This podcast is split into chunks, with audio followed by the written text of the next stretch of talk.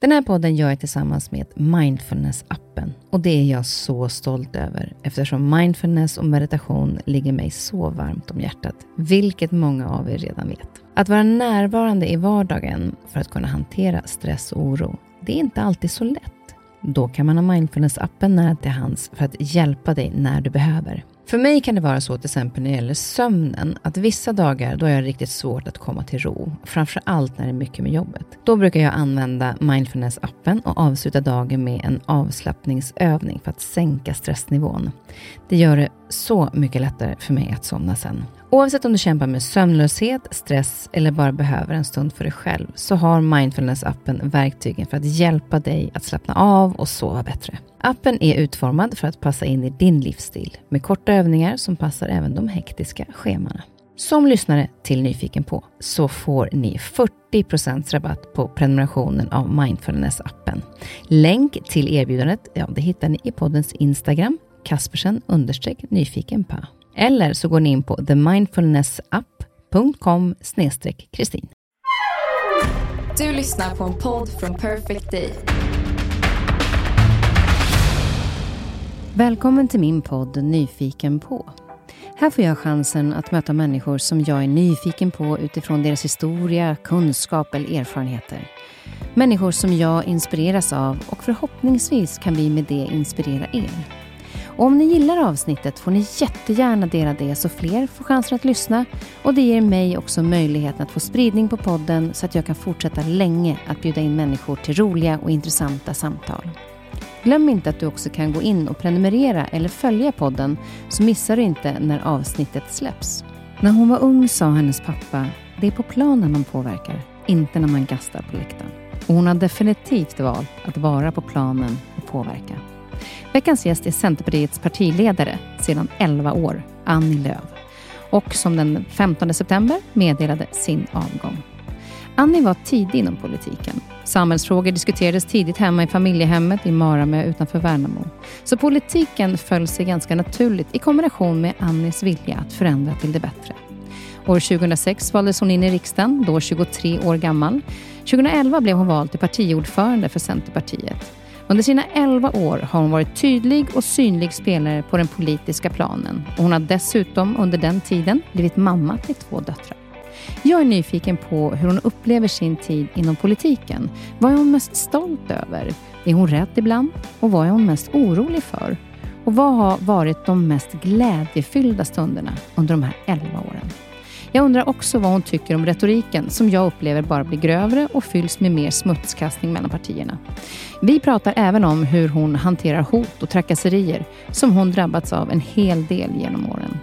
Och såklart så pratar vi om vad vill hon göra nu?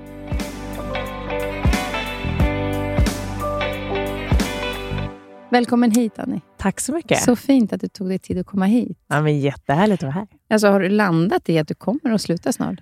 Nej, jag har nog landat i att jag ska landa. Lite sådär, att, för det är ju...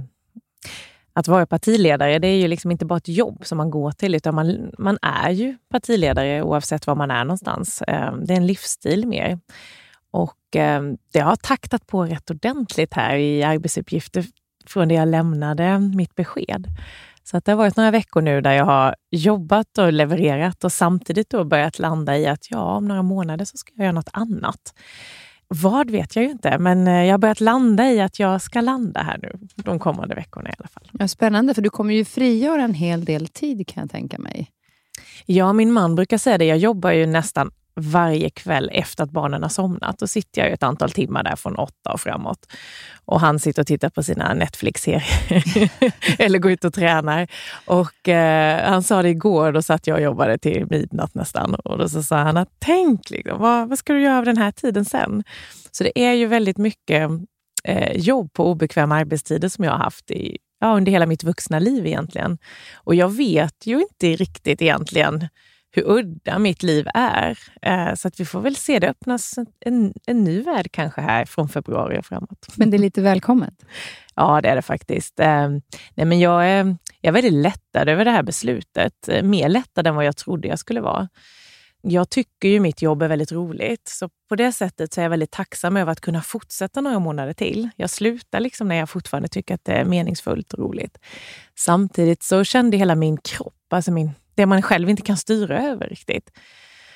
Det var någonting som bara landade när jag sa beskedet. Mina privata barndomsvänner sa att det syntes i mina ögon att jag var lättad. Vad fint. Ja, att de, att, de, att de till och med ser. De såg att det kändes som att jag, jag sa det jag ville och jag menade det jag sa. Att eh, nu är tid att gå vidare och göra någonting annat. Jag står här idag för att jag har ett besked att ge. Jag kommer att avgå som Centerpartiets partiledare. Den resa som för mig började den 23 september 2011, för 11 år sedan alltså, kommer snart att ta slut. Och valberedningen de har fått ta del av mitt beslut och eh, fram tills att en ny partiledare är på plats så kommer jag att verka som partiet, eh, Centerpartiets partiledare fullt ut. Jag har ju blivit vuxen i offentligheten och politiken. Jag kom ju in i riksdagen som 23-åring och eh, blev ju efter bara fem år både minister och partiledare. Så att i 16 års tid har jag, jag liksom på gott och ont blivit eh, ja, men, lärt mig både erfarenheter och gått på motgångar. Eh, och, eh, gjort detta. Så att när jag hörde av mig då till mina vänner på morgonen där den dag jag skulle ha presskonferens och sa att idag kommer jag meddela att jag ska sluta. Så fick jag ju tillbaka så här emojis med champagneglas och hjärtan och sånt. Och så var det så här, äntligen nu ska vi få dig tillbaka. Oh. Men jag, alltså, det låter ju som att jag inte haft ett liv. Det har jag ju verkligen. Jag har ju skaffat barn under den här tiden. Jag har haft vänner. Men det har oftast varit de privata vännerna som har fått stå tillbaka lite. För det har varit jobb, familj, jobb, familj. Eh, och det hoppas jag att jag ska få lite mer social tid här framåt. Mm, vi ska prata lite mer om det lite längre fram också, för det är väldigt mycket som jag är nyfiken på kring det här att, att arbeta som politiker. Eh, men jag tänkte bara lite kort börja med det här, din drivkraft och ditt ledarskap. För du var ju ganska blyg från början, som liten vad jag förstår. ja, det var jag. Jag jag har en bild mamma fångat på mig när jag sitter på köksbänken hemma i Maramö på gården. Eh, och då sitter jag med benen i kors och så håller jag upp en, här gamla, en sån gammal telefon och pratar. Och jag ser så världsvan ut, men den bilden är faktiskt rätt falsk för att jag gillade inte att ringa i telefon.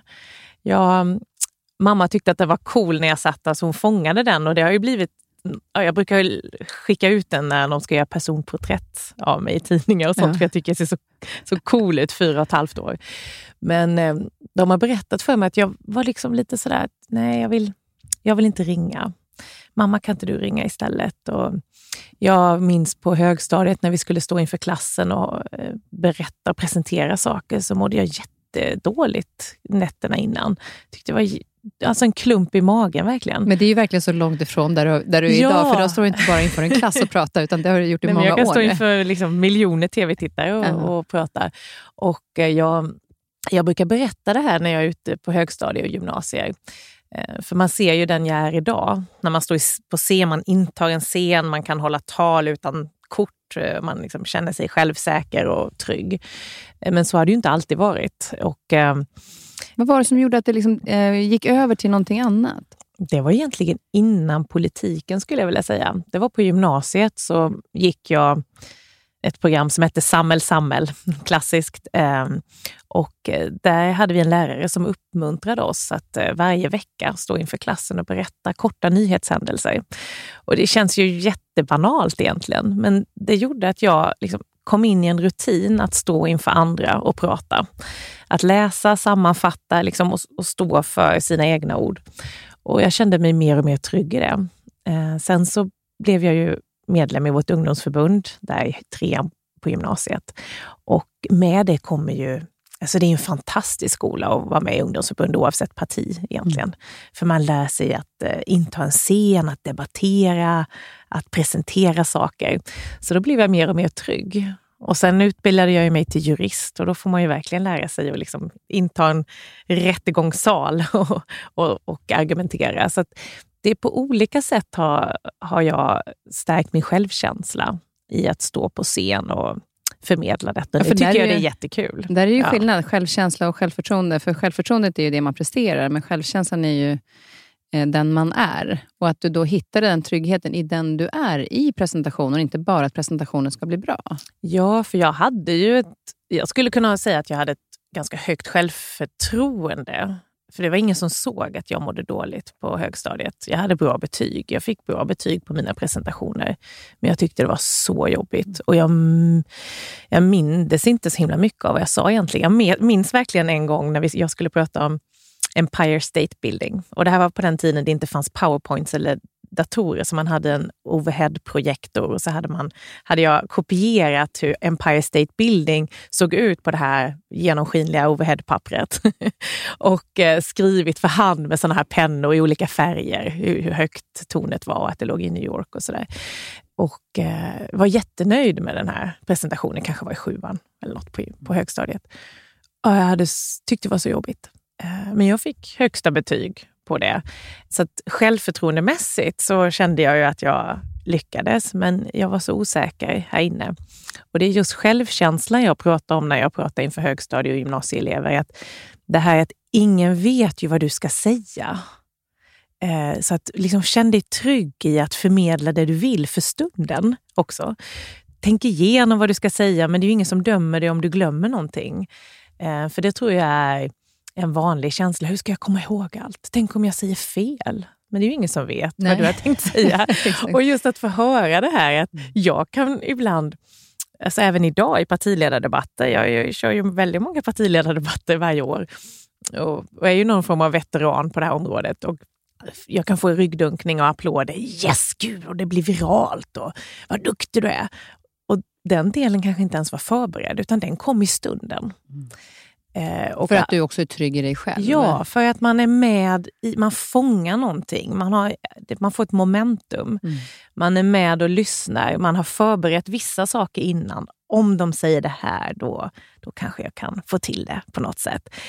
Och jag minns att jag eh, i, nu i den här valrörelsen så drog jag upp någonting i slutdebatten om att eh, jag kopplade Jimmy Åkesson till en trollkarl. Eh, trollade bort liksom, all trovärdighet och eh, den hade jag förberett och den kunde man använda både om det skulle komma i migrationspolitik och flykting eller i det här fallet då som klimatet eh, och hans klimatpolitik. Så att man kan förbereda vissa grejer men sen vet man inte när det väl kommer om, om det liksom uppstår. Nu är det här en specialgrej för för väldigt många människor handlar det snarare om att kanske berätta om sig själv. Alltså man är ny i ett sammanhang, kommer till en arbetsplats och sen skräcken som många känner när chefen säger så här, kan du inte ställa dig upp och säga i några minuter vem du är och var du kommer ifrån. Och det har jag hört från så många, hur jobbigt det är. Men det är rätt häftigt ändå vad, vad det betyder att självkänslan och självförtroendet går hand i hand. Mm. För att då blir ju själva uppdraget också mycket roligare. Ja, Än att det blir den här ansträngningen och lite ångest i det. Även om man presterar bra så känner man inte att det landar i sig själv. Och Det är väldigt fint när du beskriver just den självkänslan, självförtroende-grejen. För att många kan ju vara, i och med att vi lever i prestationssamhälle idag, så fokuserar man så himla mycket på det. Mm. Men om det ska vara roligt också och att du känner att du står för det, så är det en otrolig skillnad när det landar också i självkänslan. Ja, men så är det. Jag minns, jag tyckte det var jättejobbigt med engelska i början eh, av min närings och partiledartid. Eh, då reste jag ju mycket och så skulle man göra intervjuer och det var väldigt oförberett. Eh, jag var med i såna här morning shows på jag var i Afrika till exempel på olika delegationsresor och så skulle man vara med i tv i morning shows och eh, ja, men man skulle ha ett lättsamt, härligt prat. Och eh, jag minns att jag bara släppte allt och bara pratade på. Det var säkert inte perfekt grammatiskt överhuvudtaget.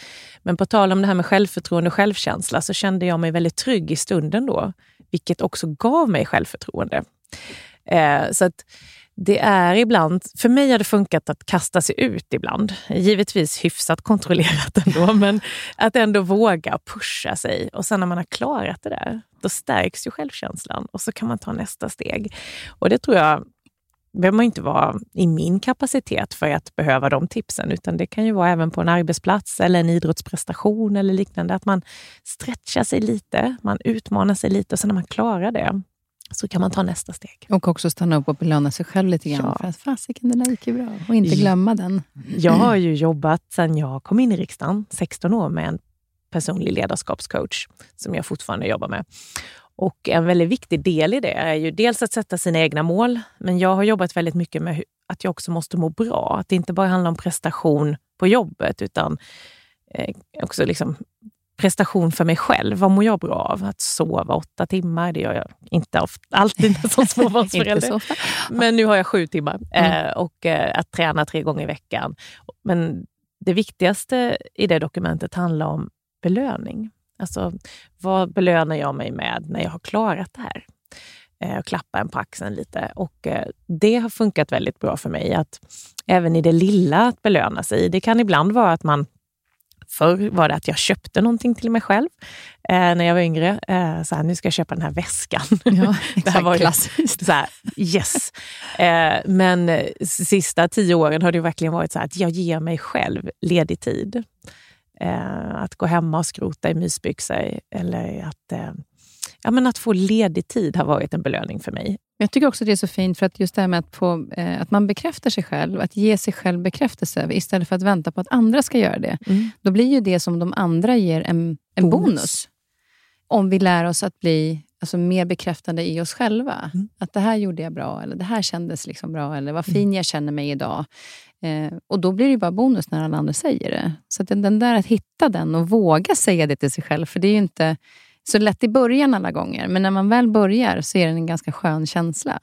Eller? Ja, men så är det. Och jag ställer ganska höga krav på mig själv faktiskt. Och eh, har ju jag vet, mina medarbetare får ju möta mig när jag är mitt i en partiledardebatt. De är två timmar på tv och sen är det en halvlek. Det är liksom paus i mitten. Och eh, när jag går ut i den halvleken så är jag ganska missnöjd med min insats, vilket är jättekonstigt. Det ser ju inte ni på mig, men jag går ut där och är ganska självkritisk. Och eh, det stämmer oftast inte med själva insatsen som jag har genomfört. Varför, varför är det det? Nej, men jag har svårt att se när jag är mitt i det så har jag väldigt svårt att se mina, e-, min egen prestation. Eh, men sen efteråt så kan jag vara väldigt stolt och nöjd. Så att när jag är mitt i det så är jag så fokuserad på att leverera. Jag är liksom redan inne i andra halvlek och vad jag ska göra. Och eh, då behöver jag ganska mycket pepp där i de här tio minuternas paus. Då de liksom lyfter det som jag har sagt. Ja, men det där var ju bra. Eh, och här, du, du, du topp ju i Aftonbladet här. Och så går man in och så kör man. Och sen efteråt, då har jag en förmåga att liksom titta. Ja, men det här var ju bra. Så även om jag kommer inte så högt upp i de där mätningarna vem som gjorde bra insats så kan jag vara väldigt nöjd och stolt över min egen insats. För jag vet att de som röstar på mig och tycker som jag, de tyckte att jag gjorde det bra. Mm. Så att man liksom landar i den tryggheten faktiskt. Och Det är också en sån här att, att inte påverkas för mycket av vad andra säger, utan också stanna kvar i sin egen känsla, för den är inte alltid lätt. Nej, och så mm. har det ju även varit i min, så är även i min träning. Mm. Eh, att jag är väldigt nöjd efteråt, men jag ställer väldigt höga krav på mig under ett styrketräningspass till exempel. Men sätter du krav på dig själv, för du pratar om det även inom, med, inom yrket, att du sätter höga krav på dig själv, men, men ser du till att det också kraven är så pass att du vet att du kan klara det. För att ibland kan man ju ibland sätta liksom krav på sig själv om träning. Säga jag ska träna fem gånger den här veckan. Men tittar man i kalendern så är det fasiken en omöjlighet. Nej, de är realistiska. För att jag behöver, jag behöver kickarna av att också leverera och klara. Eh, så jag behöver de där små kickarna i vardagen. Sen stretchar de. Alltså, de stretchar mig. Eh, jag ska träna tre gånger i veckan.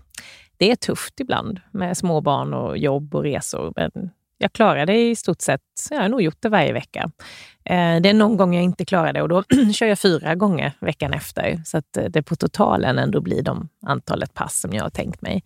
Och jag gör ju det för att vissa saker mår jag ju bra av och gör att jag kan göra ett ännu bättre jobb. Och träningen är en sådan. Någonting som är, har varit tufft att leva upp till, det är faktiskt antalet sömntimmar. Men det är oftast externa faktorer som gör det. Jag ligger ofta i sängen sju timmar, men det är ju små barn och det är liksom annat sånt där som, som stör ens nattsömn. Och då är det svårt att klara det målet. Men det jag själv kan rå över, det är jag väldigt mån om att jag faktiskt ska klara. Mm. Och När det gäller ledarskapet så, så är det ju intressant att se att i er familj så är ni ju då tre systrar och alla är idag ledare. Mm. Och du är äldst. Att, så att kanske du blev ledare i familjen med dem systrarna i början, kanske inte så konstigt. Oftast blir väl stora syster lite Var du, var Lite du mer bossig. Jo, men så kan det nog vara. Nej, men Men hur vi- kommer det sig, tror du, att ni alla tre har blivit ledare i, inom de olika yrkena? För det är ju då vården och näringslivet som systrarna är inom. Ja, men det är ju faktiskt... eh, Jag är så stolt över mina systrar för att de, de har ju haft en mycket tuffare skolgång och uppväxt än vad jag har haft, för de har alltid blivit jämförda med mig. Så jag, jag gick igenom skolan med högsta betyg i, i stort sett allt. Eh, och de hade ju samma lärare som jag hade. Och att då komma som yngre syster till någon som alltid har liksom presterat och haft ganska enkelt för det i skolan, eh, har ju inte varit lätt. Och de har haft det tufft med att liksom hela tiden se om man ska leva upp till de förväntningar lärarna har haft på dem. Alltså är inte det märkligt? Förlåt. Men Ja, det är att, så att man har märkligt. förväntningar på andra personer och inte ser den som den individen. För vi alla har ju olika förutsättningar. Ja, men så är det ju. Och de, de har tyckt det var jobbigt att blivit jämförd. Och det är därför tycker jag deras resa är ännu mer imponerande, där de har hittat sitt kall i livet. Min eh, lilla syster som är tre år yngre än mig, hon är utbildad sjukgymnast eh, och är nu chef på en vårdcentral i Värnamo. Och eh, har ju gått den vägen och är ju jätteduktig på sitt chefs och ledarskap. Vi har kanske inspirerat varandra, men vi har, jag har inte lärt henne detta, utan det har hon vuxit i sig själv. Men kan ni prata med varandra om ledarskapet ibland? Ja, men det gör vi. Ja. Och framförallt så, det är ju mycket som är lika i ett chefs och ledarskap i, liksom med, bland- i hantering av medarbetare, medarbetare som både funkar, som vi ska ta nästa steg, eller medarbetare som inte funkar, där man ibland behöver ha ett bollplank. Eller i sitt eget ledarskap. Alltså hur ska jag få ihop mitt liv med småbarn, träning och att prestera på jobbet? Och där behöver jag ju också bolla, så att jag kan bolla med mina systrar. Sen har jag en yngre syster som är tio år yngre än mig och hon är ju inköpschef inom näringslivet då, och har ju gått, hon är ju ingenjör i botten och har liksom gått den vägen. Eh, och, eh, så vi har ju valt tre helt olika branscher, men jobbar ju med chefs och ledarskap eh, alla tre. Är ni lika i ledarskapet tror du, som personer? Ja, men det tror jag. Vi är ganska orädda av oss, alla tre. Vi är inte rädda för att göra oss obekväma i ett rum. Och det tror jag vi har fått av vår pappa. Pappa är en sån som han tar plats och säger vad han tycker. Men vi har också fått lite mamma i oss i det här att också vara, se helheten och se, eh, ja, men fånga upp människor. Eh, så jag tycker nog om man tittar, nu vet ju inte jag hur de är på jobbet, mina systrar, ska jag säga, men när jag ser dem lite utifrån så känner jag ändå på ett övergripande plan så har vi både den här eh, liksom, tuffa sidan, att våga fatta rätt drastiska beslut eh, och att säga vad vi tycker. Och samtidigt den här omtänksamma sidan där vi ser medarbetare och människor i rummet och fånga upp en coachande roll. Det är därför jag värjer mig ibland att prata om ordet chef. För chef låter, så, låter som att man står över någon och bestämmer. Jag tycker ledare och ledarskap är så mycket mer både sympatiskt och mer beskrivande över hur jag skulle vilja att arbetsmarknaden och arbetslivet fungerar. Eh, Så jag ser mig själv som en ledare snarare än som en chef. Även om jag har fattat att jag också är det. Mm. Jo, men, och sen också att ni verkar vara bra ledare för er själva. Mm. Alltså att ni inte glömmer den delen, för den är ju ganska, eller extremt väsentlig om man ska leda andra. Ja, och det kan jag känna ibland. Vi har ju vuxit upp på samma sätt hemma, Eh, så våra föräldrar har ju en väldigt stor del av hur vi är. De har ju liksom uppfostrat oss. Jag kan känna en stress ibland att hur ska jag lyckas med det mina föräldrar gjorde? Hur ska jag få mina två döttrar att bli trygga i sig själv, att eh, våga gå sin egen väg, att eh, lita på sin egen förmåga. För jag minns inte ett enda tillfälle där min mamma och pappa liksom haft någon sorts lektion med oss. Att så här får du självkänsla eller så här, du ska lita på din egen förmåga. Jag minns inte att de har sagt det, men de har ju varit det. så att säga. Deras eh, sätt att vara föräldrar har ju gjort att vi tre systrar har blivit eh, självständiga, har självkänsla eh, och liksom uppmuntrats till det. Och eh, jag minns så tydligt en eh, sekvens på gymnasiet där jag blev inkallad till eh, eh, min lärare och han var lite orolig för att jag ställde för höga krav på mig själv. Att jag liksom alltid levererade och hade högsta betyg. Och frågade väldigt snällt faktiskt, för det var ju med omtanke om jag hade en press hemifrån. Eh, vilket jag absolut inte hade. Eh, så då sa jag nej, det är liksom snarare från mig själv. Att jag vill, jag vill liksom göra så bra jag kan. Eh, jag vill liksom alltid leverera det bästa och då är kanske det bästa att ha högsta betyg. Och det är snarare jag som blev besviken när jag inte fick det. Och mina föräldrar försökte liksom fånga upp mig där och säga, nej men skärp dig, du är ju du är jättebra. Att få VG på ett prov är ju jättebra, Annie, kom igen. Du har gjort mycket annat här också. Och de har snarare fångat upp en och tagit ner lite på jorden, vilket har varit bra. Så det, det är sådana här saker försöker jag ta med mig i mitt eget föräldraskap. Mm. det är det som är så intressant, att man, alltså hur ska jag kunna förmedla? Just det man inte har tänkt på, det finns ju ingen lektion de har gett ni, men vad är det som har påverkat mig, som har gjort att jag känner den här tryggheten? Ja. Och Det kan jag säga, det blir en intressant resa nu. Du har ju små barn och jag har ganska stora barn. ja, man får ju utvärderingen här om 20 år. Eller något. Ja, det får man. Men, eh, men det är en härlig resa. Ja, vad härligt. Eh, så att du ser fram emot. Eh, när det gäller politiken så var det, var det en självklarhet att jobba inom politiken, för jag vet att du var barista ett tag. Ja, i några månader. Absolut. Ja, det tycker jag ändå är lite härligt att du har tagit någon avstickare så att inte och testat någonting annat? Ja, nej, men jag eh, vill inte bli politiker. Jag vill ju bli jurist. Och, eh, jag har aldrig sett politiken som ett eh, karriärval. Det här låter ju lite märkligt eftersom jag ändå har ägnat 16 år av mitt vuxna liv till det här. Men jag hade ingen målsättning om att varken bli partiledare eller minister, utan jag har liksom tagit möjligheterna när de har kommit. Så att min barndomsdröm och min civila identitet än idag är att jag är jurkand, alltså jurist. Jag har en juristexamen från Lunds universitet. Eh, sen har jag ett förtroendeuppdrag som är politiker. Eh, och jag har alltid varit mån om att hålla sär dem för att min, min civila identitet när jag skriver min titel så är det jurist. För det, det, är den utbildning som jag har. Och det var det som var min ungdomsdröm, att jobba som jurist. Sen så fick jag ju frågan då, eftersom jag också tycker att politik var väldigt roligt, att kandidera till riksdagen. Och sen kom jag in i riksdagen, eh, kryssade mig in då som yngst i Sverige, eller yngst i riksdagen, 2006. Och så fick jag frågan om jag inte ville bli partiledare fem år senare.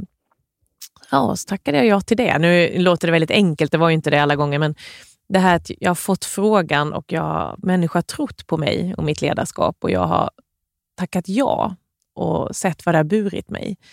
Eh, Men det måste ju ha varit liksom ämnen som du brann för, som du kände att här vill jag vara med att förändra eller förbättra. Ja men så eh. är det och jag valde ju att bli politiskt aktiv i trean på gymnasiet och det handlade om en förändringsvilja.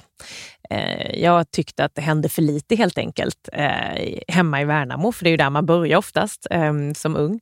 Och eh, min pappa sa då att nej men det har jag sagt många gånger, men man sitter inte på läktaren och gastar. Det gör du ju inte när du spelar fotboll. Då är du ju med på planen och försöker förändra.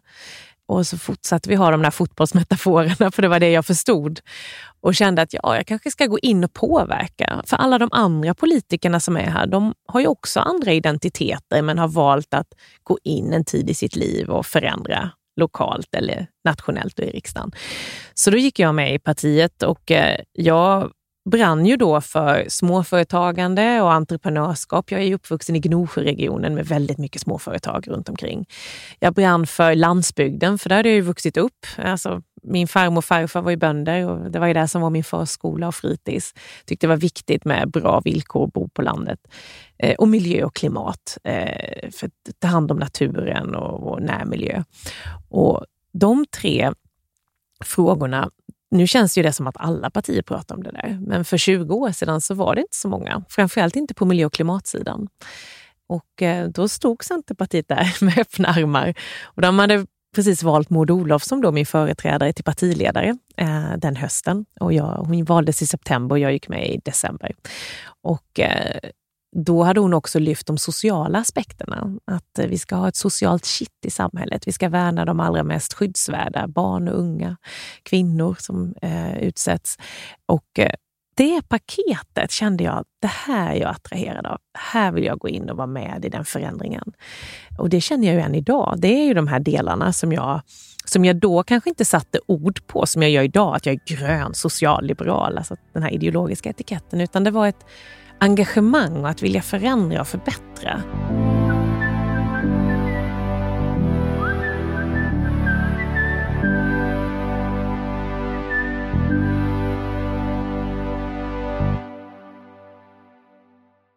Men jag tänker också, för det, de, de här delarna står ju också på Centerpartiets fortfarande, de här punkterna. Eh, som, men också medmänsklighet och frihet öppenhet mot omvärlden och andra. Eh, och möjlighet att leva och bo tryggt i hela Sverige. Alltså, ni har ju de här punkterna där. Mm. Vilken känner du att du har haft eh, som du snabbast kunde gå in i och förändra? Och se, man vill ju ändå se att det sker någonting när man går in och känner att ja, det gick att påverka. Det här triggas jag av. Det här kan jag göra ännu mer. Vad var det första som du kände att här händer det någonting när jag går in? Mm. Jag började ju min tunga politiska tid som näringsminister. Så det var ju kring entreprenörskap, företagande, innovation. Alltså den positiva förändringskraften som småföretagande ändå är i samhället. Kring sänkta kostnader, minskat regelkrångel, eh, uppmuntra fler kvinnor att starta företag. Där såg jag en väldigt stark förändring eh, där jag konkret kunde se vad vi gjorde för skillnad. Sen såg jag också att i, för man kan påverka på olika sätt. Eh, det andra som jag så tydligt märkte var att vi var en väldigt stark kraft för människors lika rätt och värde. Och för 20 år sedan när jag gick med, då var det allmängods. Det tyckte alla. Men ju mer, alltså nu sista tio åren så har man ju fått stå upp för, då har det blivit kontroversiellt att stå upp för mänskliga fri och rättigheter, asylrätten, eh, rättssäkerhet, alltså sådana här grundbultar i vårt svenska samhälle. Och där känner jag ju också att där genomför jag ju inte sakerna, utan där står man ju upp för grundläggande fri och rättigheter det är också ett sätt att påverka i politiken. Att liksom vara den här garanten, att stå stadigt, att inte vika sig. Så jag har känt både att jag som politiker kunnat förändra och påverka, till exempel då sänkta skatter och minskat regelkrångel, eh, men också det här att stå upp för någonting, att stå stadigt. Och det har jag känt under hela min partiledartid faktiskt, att det har varit viktigt. Men kan du också känna att, att, när, när, du står, när ni har en, en debatt eller en diskussion med andra partiledare, att alltså det där är ju rätt bra det de säger. Alltså jag kan förstå den grejen mm. och kunna liksom möta Alltså, man måste ju ibland också mötas för att nå en lösning. Ja, men så är det ju. Alltså det finaste i det politiska hantverket är ju kompromisserna. För att eh, man måste ju hitta vägar framåt. Och inget parti har ju 50 procent, utan man måste alltså samarbeta och förhandla med andra. Så att, eh, I början av min partiledartid så gjorde vi det inom Alliansen, M, L, KD och C. Och där var det ju ständiga förhandlingar och kompromisser. Och då kunde man till exempel komma till eh, förhandlingsbordet med de andra partiledarna och så fick man ju lyssna in vad Göran Hägglund, Kristdemokraterna, ville se för sociala reformer till exempel, vad Jan Björklund och Liberalerna ville se inom skolan och så kunde vi ge och ta och se att ja, men det där är ju inte så dum idé. Ehm, eh, jag minns att Fredrik Reinfeldt jobbade väldigt mycket så, att försöka hålla ihop Alliansen genom att lyssna in vad vi andra tre verkligen tyckte var viktigt på riktigt. Så att vi fick en större och bättre helhet tillsammans. Så var det inom januariavtalet, eh, nu som vi har gjort tillsammans med L, S och MP. Vi kommer ju från olika ideologiska utgångspunkter, men det finns ju saker hos alla partier som är bra och viktigt. Vi har ju kommit överens om där till exempel att där har jag fått igenom mycket av mitt, men om man tittar på de andra frågorna kring Miljöpartiets miljö och klimatinsatser, eh, Socialdemokraternas insatser kring att stärka välfärden nu under pandemin. Liberalerna har ju lagt in mycket kring hedersrelaterat våld och förtryck. Och, så att man behöver lyssna och se andras förslag och sen baka ihop dem. Vi är rätt dåliga på att sen gå ut och säga så här, det här var inte mitt förslag, det här var Liberalernas förslag. Det kan jag tycka är lite tråkigt ibland, ja. att vi, vi hör aldrig hur samarbetet är. För det låter rätt spännande när, när jag hör det här när ni sitter runt liksom förhandlingsbordet och hur tycker du om det här? Och så pratar man ihop sig. Det vi hör är ju hela tiden eh, väldigt mycket smutskastning och att, att man är emot varandra hela tiden. Ja, och ska man vara riktigt ärlig så att 98 procent av min tid eh, ser ju inte allmänheten. Utan det är de här två procenten då man står i en partiledardebatt eller eh, och slår argument i huvudet på varandra. Det är ju inte mitt jobb. Alltså det är en del av min arbetsuppgift att stå och skapa någon sorts tv-show. Eh, men bakom det så sitter vi och dricker kaffe, vi, vi förhandlar fram lagförslag, vi sitter i riksdagen i utskott och i förhandlingsrum och försöker hitta bra vägar framåt. Vi fattar ju beslut varje vecka i olika frågor och där ger tar vi. Mm. Där samarbetar vi. Och det är ju inte så intressant att skriva om det, för det är oftast det är intrigerna som syns och där man ger varandra käftsmällar. Men det är ju en ganska liten del av den politiska vardagen och verkligheten. Och jag tror att vi har mycket, vi måste lära oss själva hur vi ska kunna visa upp att vi också är kollegor. Jag ska säga att många ser ju med rätta att jag och Jimmy Åkesson står extremt långt ifrån varandra. Eh, han är ju min absoluta mesta ideologiska motståndare i svensk politik. Men till exempel nu så var det många som blev förvånade då när vi satt bredvid varandra i riksdagen och man fick foton på oss när vi sitter och skrattar, när vi ser ut och pratar med varandra och liksom för ett normalt samtal som vem som helst. Och det har vi ju gjort i tio års tid. Men det är inte så intressant att visa det eller skriva om det. Utan man har visat de här när jag slår näven i bordet under en partiledardebatt, vilket också stämmer. För vi har ju debatter. Men jag tror att det är viktigt att visa helheten i det politiska ledarskapet. Att vi respekterar varandra oavsett vad vi tycker och vilka vi är. Eh, sen har vi fräna, tuffa ideologiska debatter. Men vi kan också ta en kaffe ihop och prata om hur helgen har varit. Att prata om hur barnen mår. Och det gör ju vi brett över blockgränserna och brett över partigränserna.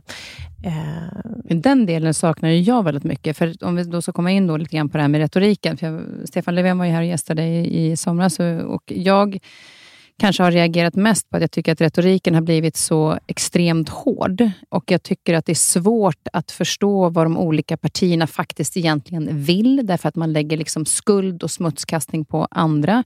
Det är ganska hårda ord. Och jag kan, när jag tittar på en sån här debatt, tänka så här, men är det här vi ska visa ungdomar och andra människor att det är så här vi kommer fram till en lösning eh, att leda vårt land. Jag kan känna så här, jag tycker inte att det är konstigt att människor använder hårda ord med varandra på gatan, när vi hör att det är okej okay att använda bland Sveriges ledare. Mm. Att det kan bli liksom... Tycker du att retoriken på det sättet går åt rätt håll? Nej. För jag tycker att det har förändrats. Eller är jag fel ute då? Nej, men det har förändrats. Sen ska man väl komma ihåg att retoriken alltid har varit hård. Om man tittar på debatten mellan Palme och Feldin på 70 och 80-talet så var det hårda ord. Eh, men det fanns inte det medie och sociala medieklimatet som gjorde att det fick så stor spridning. Och det var några nyhetskanaler och inte alla som vi har idag. Så att det var även hårda ord förr, men det har, det har blivit råare.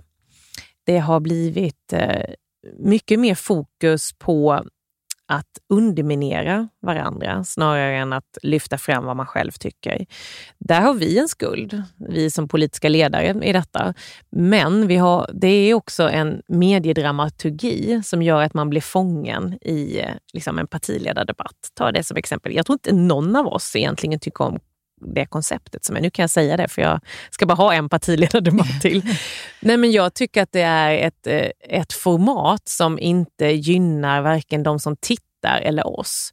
Vi får 30 sekunder och då får vi inte ens berätta vad vi vill göra för skolan, utan då får vi en fråga. Vad tycker du om kepsförbudet i skolan? Och så får jag 30 sekunder, så blir det mina 30 sekunder på vad Centerpartiet vill om skolan.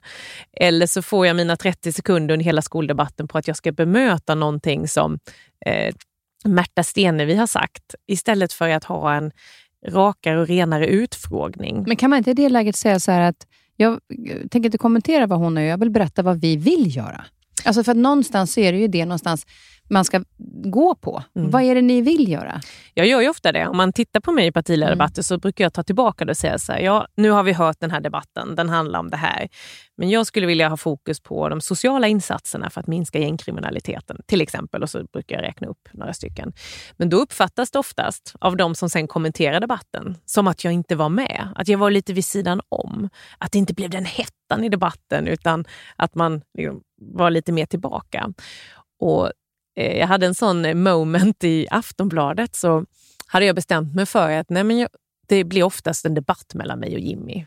Och så blir den viral och så det är det folk kommer ihåg. Att ja, nu bråkade Annie och Jimmy igen. Så går vi vidare med våra liv. Så tänkte jag, den här debatten ska jag inte bjuda på det. Eh, så att jag begärde inte ordet. Och då ville Robert Aschberg som programledare den här, han liksom bara försökte uppmana, kom igen nu liksom. Ska du liksom inte... Be Nej tack, jag, jag sparar mina repliker till några andra partier. Nej men kom igen nu! Liksom.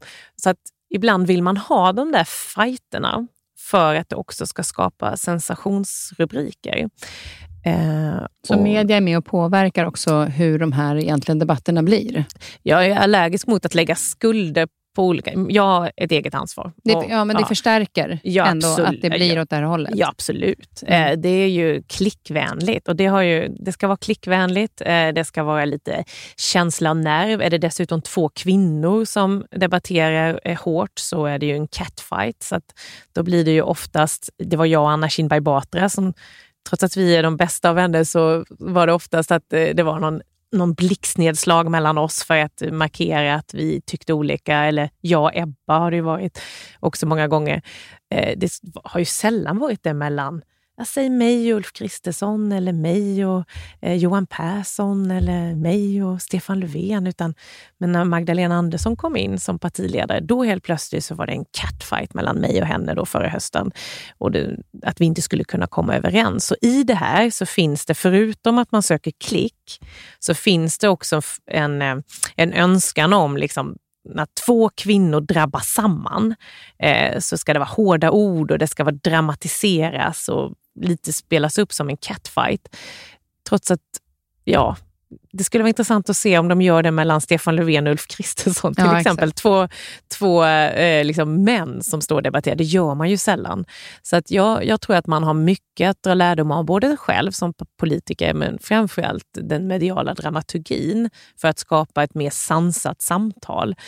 Men där tycker jag också att, att, eh, utan att man lägger skuld på någon annan, utan man tar eget ansvar, då tycker jag att vi också som sitter och läser ska ta eget ansvar genom att inte klicka på dem. Om vi nu inte vill ha den här typen av debatt, då ska vi inte heller klicka. Mm. För då kan ju vi markera att vi vill inte ha det här språket. Mm. Vi vill inte ha den här typen av... För att ju mer vi klickar, visar vi ju media att det är det här vi vill ha. Ja, men så är det. Så jag... det blir, om man tittar steget längre så är det ju oss till syvende och sist, alltså jag hemma, som inte ska klicka. Om jag nu inte vill ha den här typen av rubriker och debatter, då ska ju inte jag klicka på de här länkarna. Nej, men så är det. Eh, det är ju, för det är ju så det är uppbyggt idag. Jag, jag tycker att mycket av min tid är ju på när jag håller liksom, tal och anföranden och står på scen och eh, svarar på frågor. Och en väldigt vanlig eh, vanlig förekommande mening efteråt är så här, oj vad, liksom, vad du kan mycket och vad du kan svara på de här frågorna. Alltså, liksom lugnt och sansat. Eh, fick ju en helt annan bild av dig. Man bara, nej. och då känner man så att där, eh, jag gillar ju mer såna här utfrågningar man har i tv, där man får möjligheten att prata lite mer till punkt, ibland i alla fall. Och där man faktiskt får frågor då kring sak och inte kring allt annat. För det syns ju vi i, i lite mer stängda forum. Det är det vi gör oftast på dagarna. Och eh, därför så är det synd att när man visar upp oss inför liksom, storpubliken så blir det oftast de här eh, fighterna och showerna snarare än det politiska hantverket. Jag fattar ju att det inte säljer lösnummer men eh, det är ändå, politik är ju på riktigt. Det handlar ju om demokrati. Men jag tänker då att just när man står och har de här uttalanden och eh, kanske skuld och smutskastningen mot varandra och så säger du att sen sitter vi ändå och tar en kaffe tillsammans. Att kunna gå däremellan, från att fått kanske hårda ord till att gå och ta en kaffe sen. Hur hanterar du den, alltså den skillnad, gå från den ena till det andra? Ja, ibland är det ju svårt. Det beror ju på givetvis vad en del har sagt. Men eh, det jag vill säga med det är snarare att innan man går in i en debatt så står vi och snackar inför om vad som, liksom vad som helst, så som man pratar på en arbetsplats. Och så går man in och så kör man sin beställda show lite mer. Eh, och sen går man ut och sen är det nästa sak, eh, helt enkelt. Och eh, väldigt mycket är ju uppbyggt kring de här partiledardebatterna. Och eh, jag fick en sån här aha-upplevelse när jag själv var föräldraledig och inte var med i en partiledardebatt. Utan jag satt hemma och tittade på detta. Hur var det? Ja, alltså jag tycker ju självklart att min ersättare gjorde ett jättebra jobb. men, men, när man sitter där och lyssnar så känner man att jag, för, jag, är ju, jag är en politiknörd. Jag är jätteintresserad och sitter och lyssnar. Det är mitt jobb att sitta och lyssna. Men jag förstår ju varför många andra tycker att det är tjafsigt. För man får ju inte ut vad vi tycker. Det är liksom inte ett lugnt klimat, utan det handlar snarare om att vinna för stunden och inte i längden. Eh, vad ska man göra för att förändra det då? Jag om ni själva kan reagera på det? Nej, men väldigt mycket är formatet. Alltså, en partiledardebatt, får jag väl säga, i den här valrörelsen i Expressen var väldigt bra. Den var sakfrågeinriktad, den var riktad till respektive parti. Det blev inte de här heta duellerna, eh, utan kanske inte den fick så stort genomslag då eftersom det inte blev de där heta duellerna. Men den som tittade på den partiledardebatten tror jag blev mer bevandrad i vad vi faktiskt tycker kring gängbrottslighet, klimat, företagande, skola. Ehm, och, eh, så det handlar ganska mycket om upplägget. Mm. Eh, för vi vill ju alla från höger till vänster egentligen prata om vår politik.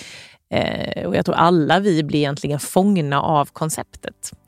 och liksom, ska försöka vinna de där ibland billiga poängen. Och de är ju ganska dyra i längden.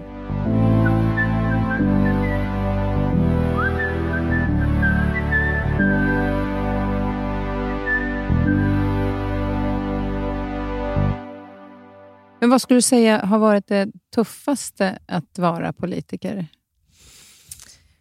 Jag minns, jag vill ändå säga, jag, det här är ju bland de bästa åren i mitt liv. Jag tycker att det har varit jätteroligt. Baksidorna med partiledarskapet är ju dels de dödshot man får och hatet, men också den minimala tid för privatlivet. Alltså att hela tiden ha sina privata vänner och familjen lite i, i andra hand, som det ibland har varit. Jag har kunnat eh, jag minns jag var ute på Björnö på Värmdö och gick i naturreservatet där för någon vecka sedan.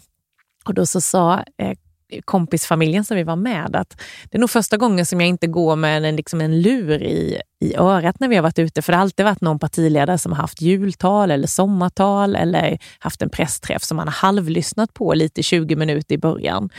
Eh, och nu behövde jag inte det. Och Jag tycker det exemplet visar lite att man är alltid på gång, liksom alltid med. Eh, och det har varit en del av mitt liv. Jag har inte klagat en sekund, men man märker när man jämför med andra att det är ganska onaturligt. Mm. Eller sen, onormalt. När du kommer till det här med säkerheten så eh, har vi ju sett tidigare, eh, både Olof Palme och Anna Lind, eh, vad som har skett, att det liksom, den här, vad som verkligen kan hända i Sverige. Eh, I somras då så var det Ingmarie Wieselgren som blev mördad i Almedalen. Vi var ju båda där. Eh, då visste inte du att du var måltavla, också för mördaren. Men du var ju i närheten. När det här skedde, vad tänkte du då? Jag satt ju och hade vårt ekonomiska seminarium. Det var ju vår dag i Almedalen. Eh, och eh, jag var 40-50 meter ifrån eh, mordplatsen på en restaurang och lyssnade på det ekonomiska seminariet och jag skulle precis gå upp och ha min presskonferens. Och då kom en av mina livvakter fram och liksom kom, kom med. Och sen så förs jag i ett rum eh, där jag är säker. Och jag förstod inte riktigt vad som hade hänt. Eh, och väl där uppe i det här rummet, det var precis ovanför där hon låg. Alltså det var i, i Donnes hus som jag var i. Jag var aldrig framme på grund av säkerhet vid fönstret, men hon, hon låg ju där, så att några av mina medarbetare såg ju henne och var med om detta och det påverkar ju såklart väldigt mycket. Men där och då så jag gick liksom in i någon sorts autopilot, eh, krishantering, ledare, eh, säkerställde att alla som var centerpartister, att vi räknade in dem. Eh, vi hade ju många ungdomsförbundare och studentförbundare där. Det blev en fråga kring, ska jag ha presskonferensen eller inte? Ska vi ställa in den, skjuta fram den? Vad är det som har hänt? Eh, alltså de liksom mer praktiska frågorna. Och just där och då så tänkte ju inte jag att jag ens kunde vara en potentiell måltavla. För jag höll på med allt annat att hantera. Utan det var ju där, när jag satt där uppe så fick jag att du borde nog höra av dig till familjen och säga att du är i säkerhet. Eh, så gjorde jag ju det. Ja, ja absolut, sa jag. Så, här, så skickade jag att ja, men jag, det, det har hänt något i Almedalen och jag är säker. Och när jag fick svaren sen från mina närmsta vänner och familj så insåg jag att deras första tanke var ju att det kunde ha varit jag. Men jag tänkte inte på det då. Vad kände du då när det där landade och du förstod hur de kände? Jag gjorde inte det förrän ett tag efter när jag fick reda på att jag var en av eh, de tilltänkta eh, mordoffren. Eh, när jag fick beskedet från polisen som kom och berättade detta för mig, så landade det så tungt i mig.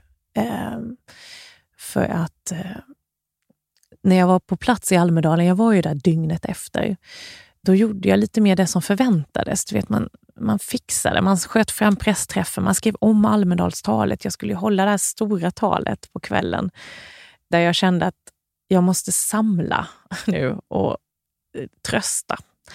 Vi skalade bort allt konfrontatoriskt och höll liksom mitt tal där eh, på Almedalens scen.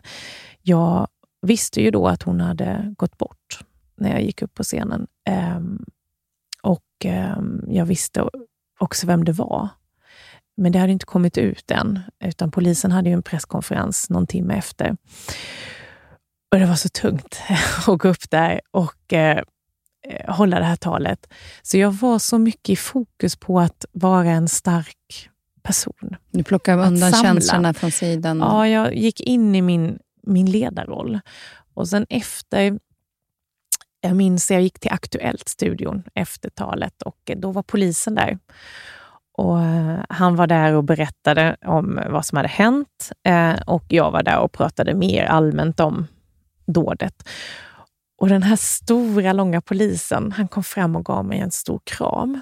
Och, I uniform och allt. Och jag kände sådär att det här var så himla fint, för det här visar liksom, vi är, jag var där som tung politiker, han var där som ytterst ansvarig polis.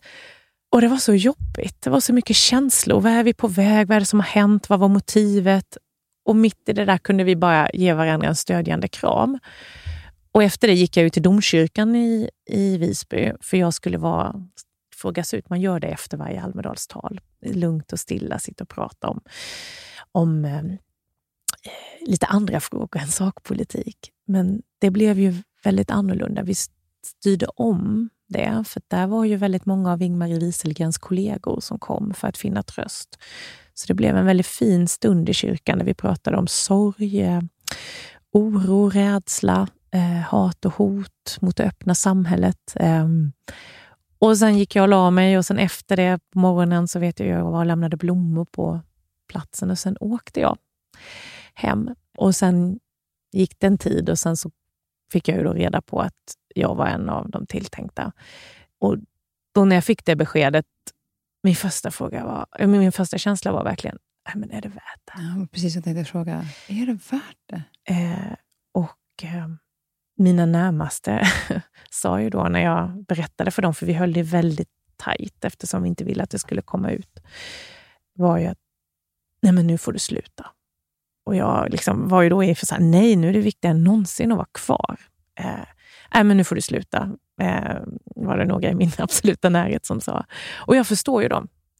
Och eh, jag ville inte, och jag slutade inte av den anledningen. Eh, och jag ville inte sluta av den anledningen, men det var en väldigt viktig del i att jag valde att sluta. Men blir du inte rädd? Jag borde ju bli rädd, men jag har blivit så av, inte avtrubbad, jag har blivit så rund i kanterna av detta under de här åren. Jag har fått så många hot mot mig och så nära. Så för att kanske är det så att nu när jag slutar, att jag låter känslorna komma närmare och faktiskt inse allt man har varit med om. Eh, jag får ju fortfarande hot.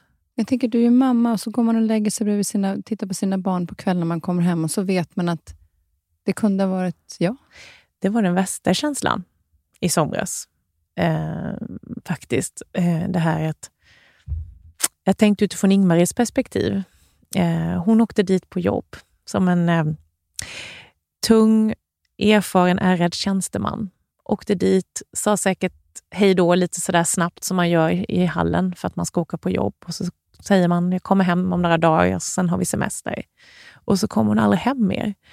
Och eh, det påverkade mig jättemycket. Det här att det kan ju hända när som helst.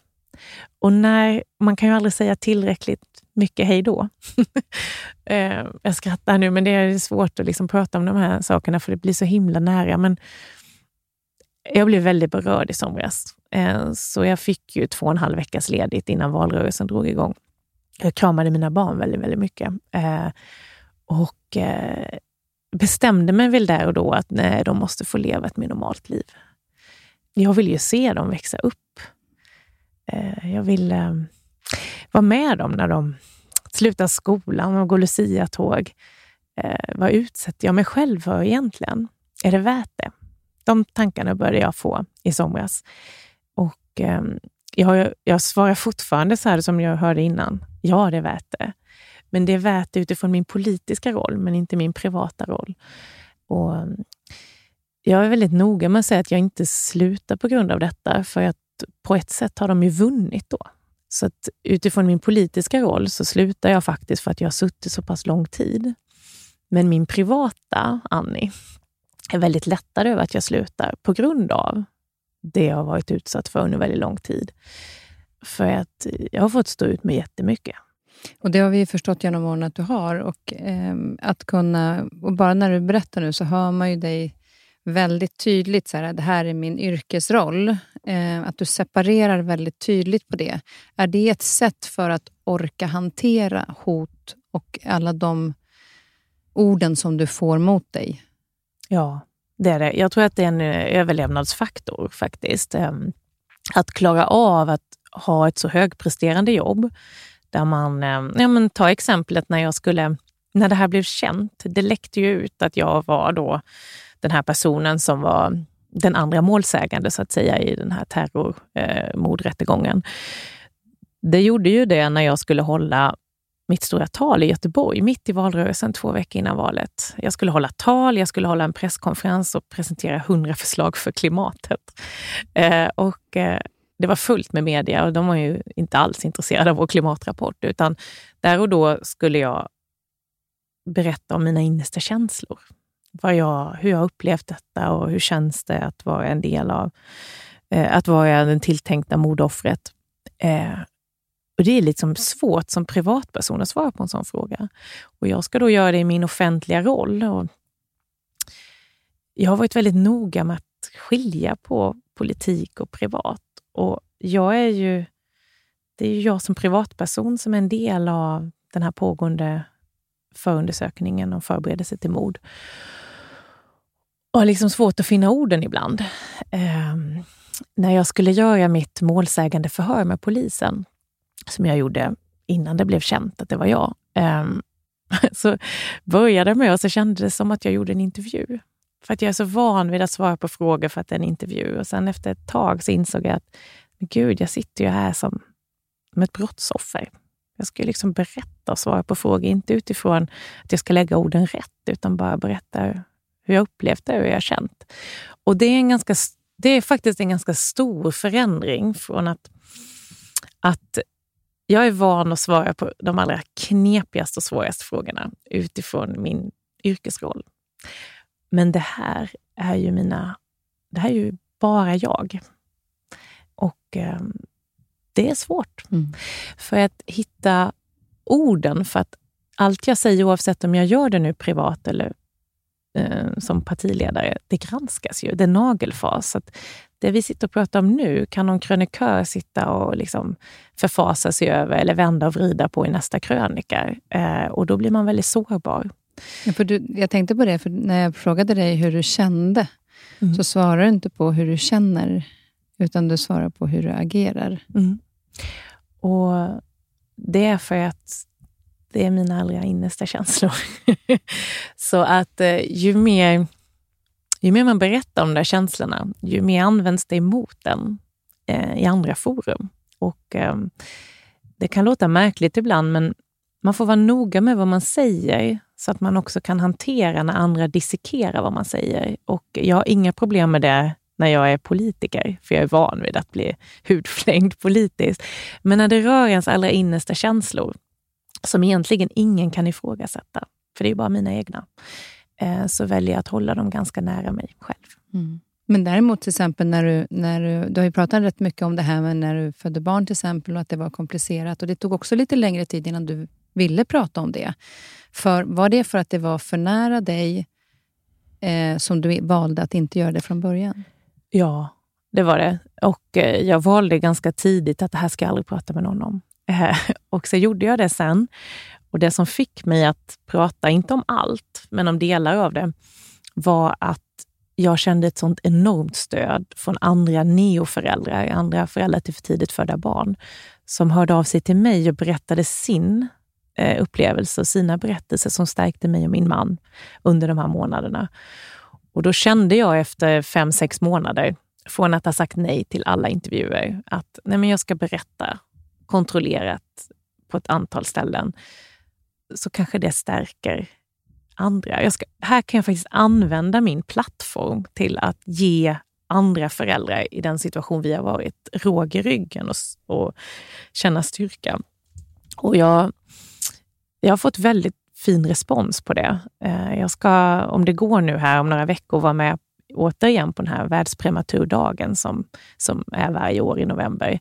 Eh, liksom, un, inte under radarn, för jag är ju där, men alltså, jag gör det för att kan jag eh, med mina erfarenheter och förmågan då att kunna berätta om dem också, stärka andra, så gör jag gärna det. Jag har varit med i eh, såna här forskarseminarier eh, där de eh, läkare eh, som jobbar just med det jag var med om och det min, min, min dotter var med om eh, för att göra vården ännu bättre. Och då så sa min läkare till mig när jag fick inbjudan att ja, du är ju där som tidigare patient. Eh, men det är också bra, du har en förmåga att kunna prata och sätta ord på saker.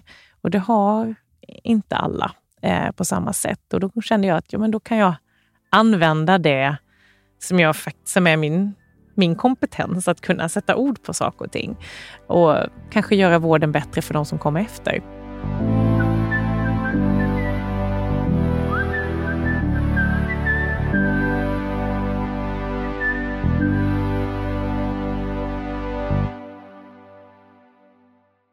Men tror du att det kommer bli lättare när du har avgått och någon annan har tagit över partiledarrollen att kanske kunna, just som ledare, att visa att det är okej okay att vara rädd ibland, det är okej okay att känna eh, även som ledare. Att det kan vara lättare sen att prata om det, för det kan inte användas emot dig då. Mm. Men jag ska säga att jag har varit ganska öppen. Jag har gjort många intervjuer som har handlat just om hoten och hatet och vad det har gjort med mig. Men man ska också komma ihåg att när man pratar om det så ökar också hotbilden. Mm. Alltså då, det är därför vi inte pratar om det. Det är därför jag inte ger alla de exemplen. Eh, som om jag skulle berättat om dem skulle folk liksom dragit efter andan. För att man inte vill inspirera andra knäppskallar att höra av sig.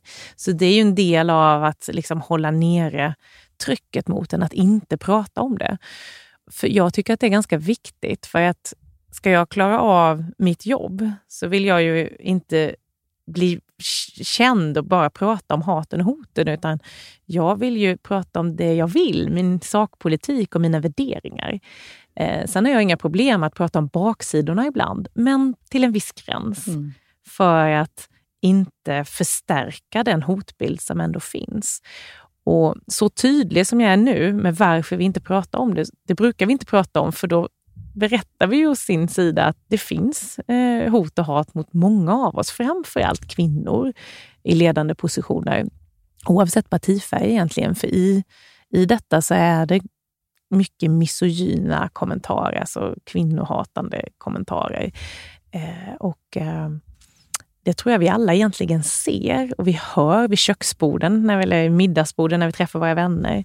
Och jag hoppas att eh, det jag nu har varit med om och berättat om, att det kan få fler att verkligen säga ifrån. Bara, men, vad menar du? Varför säger du så? Att det fortfarande är så 2022. Ja, helt att, otroligt att, egentligen. Ja, att kvinnliga ledare inte har samma, att man inte har samma respekt. Nej, precis. Eh, som, och det har ju drabbat både som Mona Salin eh, men också Ebba Busch. Så det är liksom oavsett eh, plats på den politiska skalan så är det eh, ett speciellt riktat hat mot just kvinnor som kliver fram och tar plats. Mm. Viktigt att vi pratar om mm. eh, och att eh, människor sätter sina gränser eh, och tydlighet inom det. Men om vi då ska gå in och prata om det positiva som har varit inom politiken innan vi eh, liksom börjar närma oss och runda av. Så vad är det bästa med att ha varit politiker? Möjligheten att just förändra. Möjligheten att ha den makt som det ju faktiskt är, att kunna göra en positiv förändring. Eh, det är ju det är något fantastiskt. När jag möter personer, det kan vara företagare som känner att de har fått stöd under pandemin så att de har kunnat överleva och inte gå i konkurs. Det kan vara ensamkommande från Afghanistan som sju år efter kommer fram och säger tack, jag kunde gå färdigt gymnasiet, nu håller jag på att utbilda mig till ingenjör. Så konkreta eh, människoöden som kommer fram och berättar om vad just de reformer jag och Centerpartiet har gjort har betytt för dem. Det är ju det absolut bästa. Sen är det ännu roligare att vara i regeringsställning, för då påverkar man ju varje dag. Jag, jag började ju där mina första år och sen minns jag det var en så stor skillnad när jag efter 2014 när vi förlorade valet och jag kom i opposition. Och så var man ju van att åka ut som näringsminister, så när man fångade upp saker, ja men det tar jag till mig, det kommer vi göra om och det kommer vi förändra. Och sen kom man ut där och så bara, Ja, jag får väl skriva en debattartikel om det här. Så det är ju beroende på vad man sitter i för position såklart. Men just det här att förändra och göra skillnad, det är ju... Ja, det, det ger en, en adrenalinkick och en tillfredsställelse i kroppen. Eh, verkligen. Skrattar du på jobbet? Ja, det gör jag. När, skrattar du som, när, när har du det som roligast? Jag kan skratta både innan och efter debatter eh, tillsammans med mina partiledarkollegor. Eh, vi kan, eh, det var en bild på mm, mig, Ebba, Nooshi och Märta i kyrkan på riksdagens öppnande här i september. Vi sitter och fnissar eh, och vi liksom roastar varandra lite, vi fyra. Och så säger vi så här, vi kanske vi fyra kanske ska starta podd ihop. Tänk vad roligt det skulle vara.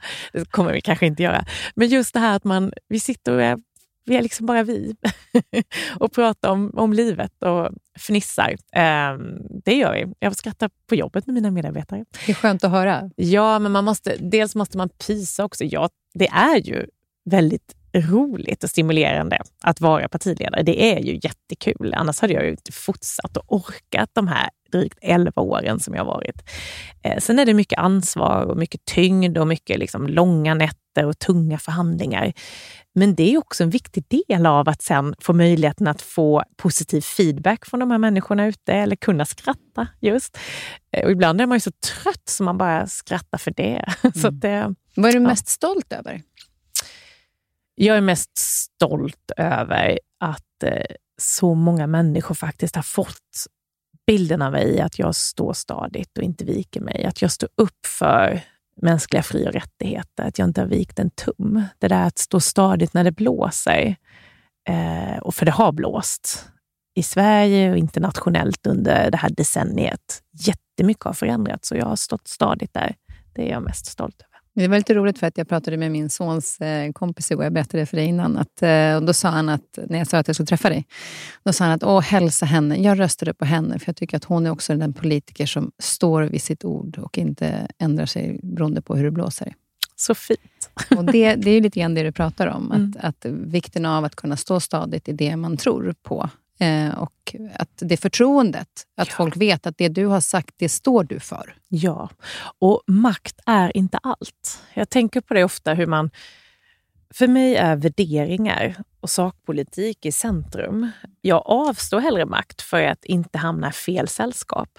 Eh, och, eh, man kan kompromissa om mycket, men man måste vara, liksom, vara trygg i sina egna värderingar och vad ett sådant samarbete faktiskt ta vägen.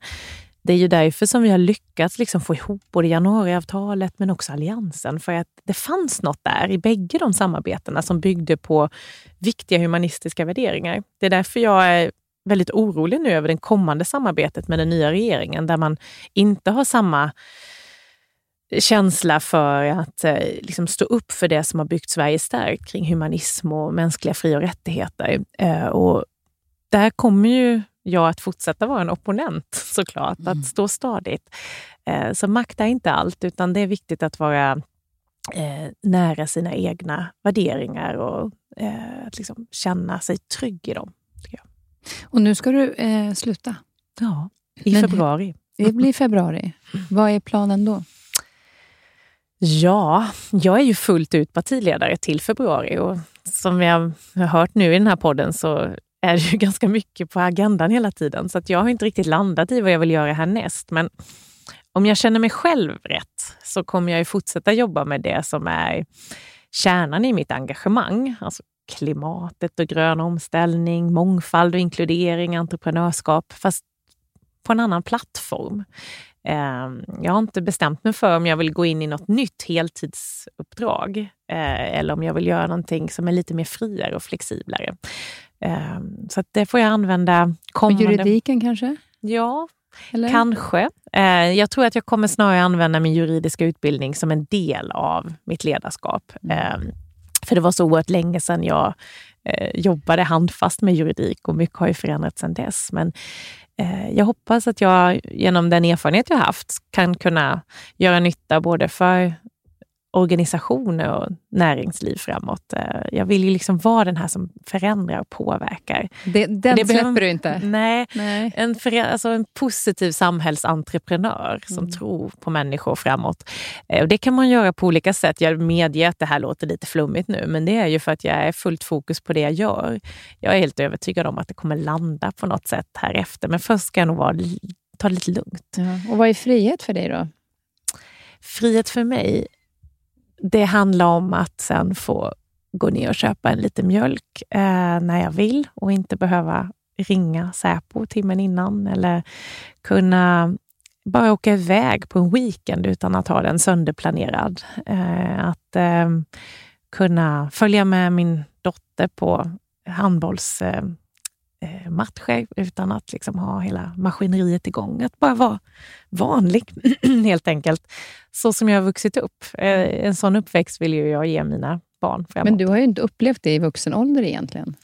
Ja. Alltså, du var ju 23 när du gick in, men det har ju ändå varit en väldigt strukturerad och styrd tid sen, sen du började som politiker. Ja, framförallt så, sen en bit in i mitt partiledarskap, får man säga.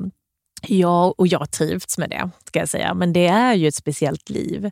Det är ju en del av hur, hur jag lever mitt liv som eh, jag har vant mig vid. Det är ju mitt liv helt enkelt. Men frihet framåt sen kommer snarare vara att inte behöva planera så mycket och att ta stunden eh, som kommer. Och att, träna när du vill, för det vet jag är viktigt för dig. Ja, ja men träna, eh, umgås, eh, kunna ta lite mer vabbdagar än min man har gjort nu de senaste... Han har ju fått ta ett ganska stort ansvar eh, under min partiledartid. Att kunna vara lite mer jämställd åt andra hållet eh, de kommande åren. Och Sen tänkte jag också på att umgås med eh, sina föräldrar. Mm. För jag vet att du är väldigt nära din både pappa och mamma, men mm. pratar mycket om pappa och ja. eh, den... Eh, eh jag blev väldigt berörd av den intervjun som ni gjorde, pappa-dotter Eftersom jag är väldigt nära min pappa och nu när jag inte har mamma kvar så är liksom pappa den enda som är kvar. Och eh, när man är så nära någon så finns det en rädsla hela tiden egentligen. Att man vill ju bara ta den där lunchen. Och, mm. eh, för att det finns ingen att han inte är här är helt... Eh, det, det, finns inte... Jag vet att så kan det inte alltid vara, men, men när de blir äldre... Jag vågar inte ens tänka den tanken. Eh, vi gjorde ju den här intervjun, pappa-dotter-intervjun, det var i, i Sveriges Radio, eh, dagen innan jag åkte in på sjukhus. Och Sen låg jag på sjukhus i tre månader när min yngsta dotter eh, kom till världen. Och Det visste vi inte då när vi gjorde den här intervjun, men den publicerades ju eh, några veckor senare. Och det var så känslosamt att lyssna på den. Mm. För då pratade vi väldigt mycket om att jag var rädd att förlora pappa. Och eh, under de veckorna mellan intervjun och publiceringstiden så var ju min pappa väldigt orolig för att förlora mig. Eh, så att det blev väldigt känslosamt för oss båda när den kom. Eh, och, ehm, det hoppas jag givetvis att jag ska få ännu mer tid med nu. Jag är ju väldigt hemmakär och familjekär, så har vi ju alltid varit. Det kanske blir så när man växer upp i en liten by. Man har nära till mamma och pappa, man, kusinerna bor runt omkring, farmor och farfar bor 200 meter ifrån. Så det blir väldigt sammansvetsat. Mina två systrar bor ju kvar i byn och i Värnamo. Ehm, och jag är den som har flyttat lite längre bort. Ehm, men jag hoppas att jag ska kunna åka hem mer. Ehm. För det är just den, jag har ju haft en pappa som bott i ett annat land, mm. men är ändå enormt nära honom. Ja. Och det tycker jag är jobbigast faktiskt nu. Mm. när han är äldre, för att jag skulle vilja åka dit och hjälpa till om det behövs, eller ta den här lunchen. Och så är det ändå liksom en sträcka, vilket ja. det liksom blir också för dig såklart när man inte bor i samma stad. Men att man vill ha mer tid för det. Ja, och jag, pappa var faktiskt den första jag berättade för att jag hade bestämt mig själv för att sluta. Mm. Eh, det bara kom. Det är ju sån relation vi har. Alltså man pratar och sen så berättade jag för honom att nej, nu har jag landat. Eh, och eh, att kunna ha sånt, eh, en sån relation är ju jätteviktigt. Vad sa han då? Eh, han förstod ju mig. Han, mm. Jag tror att han, han, alltid, han är ju också, har ju också varit politiker, så vi har ju haft en tudelad relation. Och så Han har varit pappa och sen har han varit partikollega. Mm. och sen så, så partikollega så har, har han ju alltid liksom pushat och stöttat och så på politiskt sätt att vilja fortsätta och komma vidare. Och som pappa har han ju varit väldigt orolig för att någonting ska hända. Och det var faktiskt han som i somras då sa det här att är det värt det? Alltså nu får du sluta. Och det här, han, han är ju rädd för att förlora sin dotter mm. eh, såklart. Samtidigt som han är jätteimponerad och eh, jättestolt över allt man har gjort, så kommer det ju till en viss gräns. Eh, sen har han ju en polisiär bakgrund, så han förstår ju liksom allt det här på ett, på ett lite annat sätt. Men... Så han är också lättad nu? Ja, ja. han är också lättad. Ja, vad härligt. Vi ska säga också att vi inte pratar så mycket om den här, för att det är rättegången som kommer nu när vi spelar in, så mm. kommer rättegången, så vi kan inte prata liksom för detaljerat om det. Och Det är någonting som kommer ha börjat pågå när det här avsnittet sänds. Mm. Just själva rättegången. Eh, innan vi slutar, bara lite kort, vad är du nyfiken på? Jag är faktiskt nyfiken på vad jag ska göra härnäst. Ja. För att jag, ja, men jag, är, jag är väldigt nyfiken, men jag ser det också roligt, ögonen glittrar lite på dig när du pratar om det. ja, men lite mer frihet, lite mer flexibelt mm. och sen ser jag fram emot vad, vad jag kommer ta mig för. Något kommer jag att göra. Mm. Eh, så det ska bli spännande att se. Vi får komma tillbaka om något år. Ja, det får du, du är så välkommen tillbaka. Sen måste jag säga, jag, jag frågar alltid mina gäster vad de har för fika. Det har aldrig varit en sån intressant blandning här. Det var morötter och smågodis. Ja. Hur kommer det sig? Alltså oftast inte i kombination.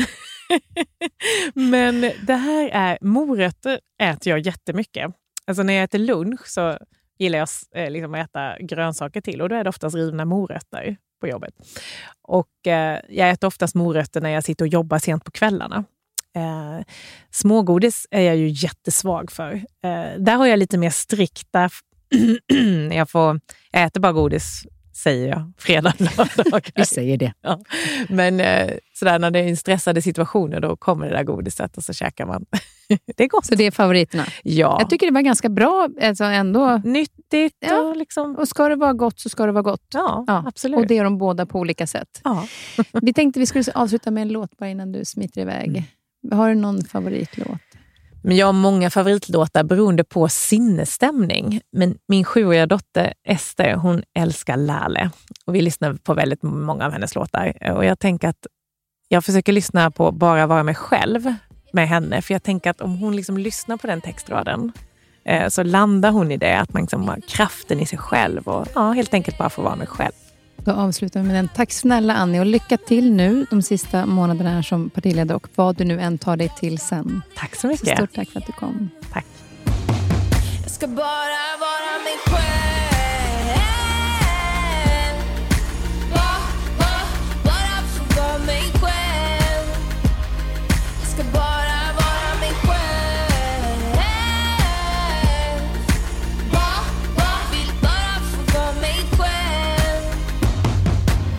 I nästa vecka är föreläsaren, TED Talk-experten och utbildaren David J.P. Phillips tillbaka. Han var här för några veckor sedan, rättare sagt avsnitt 94 och då pratade vi om kommunikation. Nu ska vi prata om kroppens kemi och substanser då David kommit ut med en bok som heter Sex substanser som förändrar ditt liv. Vi pratar om hur vi kan hjälpa oss själva att utsöndra dessa substanser så att vi får, som David säger, en Angels cocktail istället för en Devils cocktail. Missa inte nästa veckas avsnitt.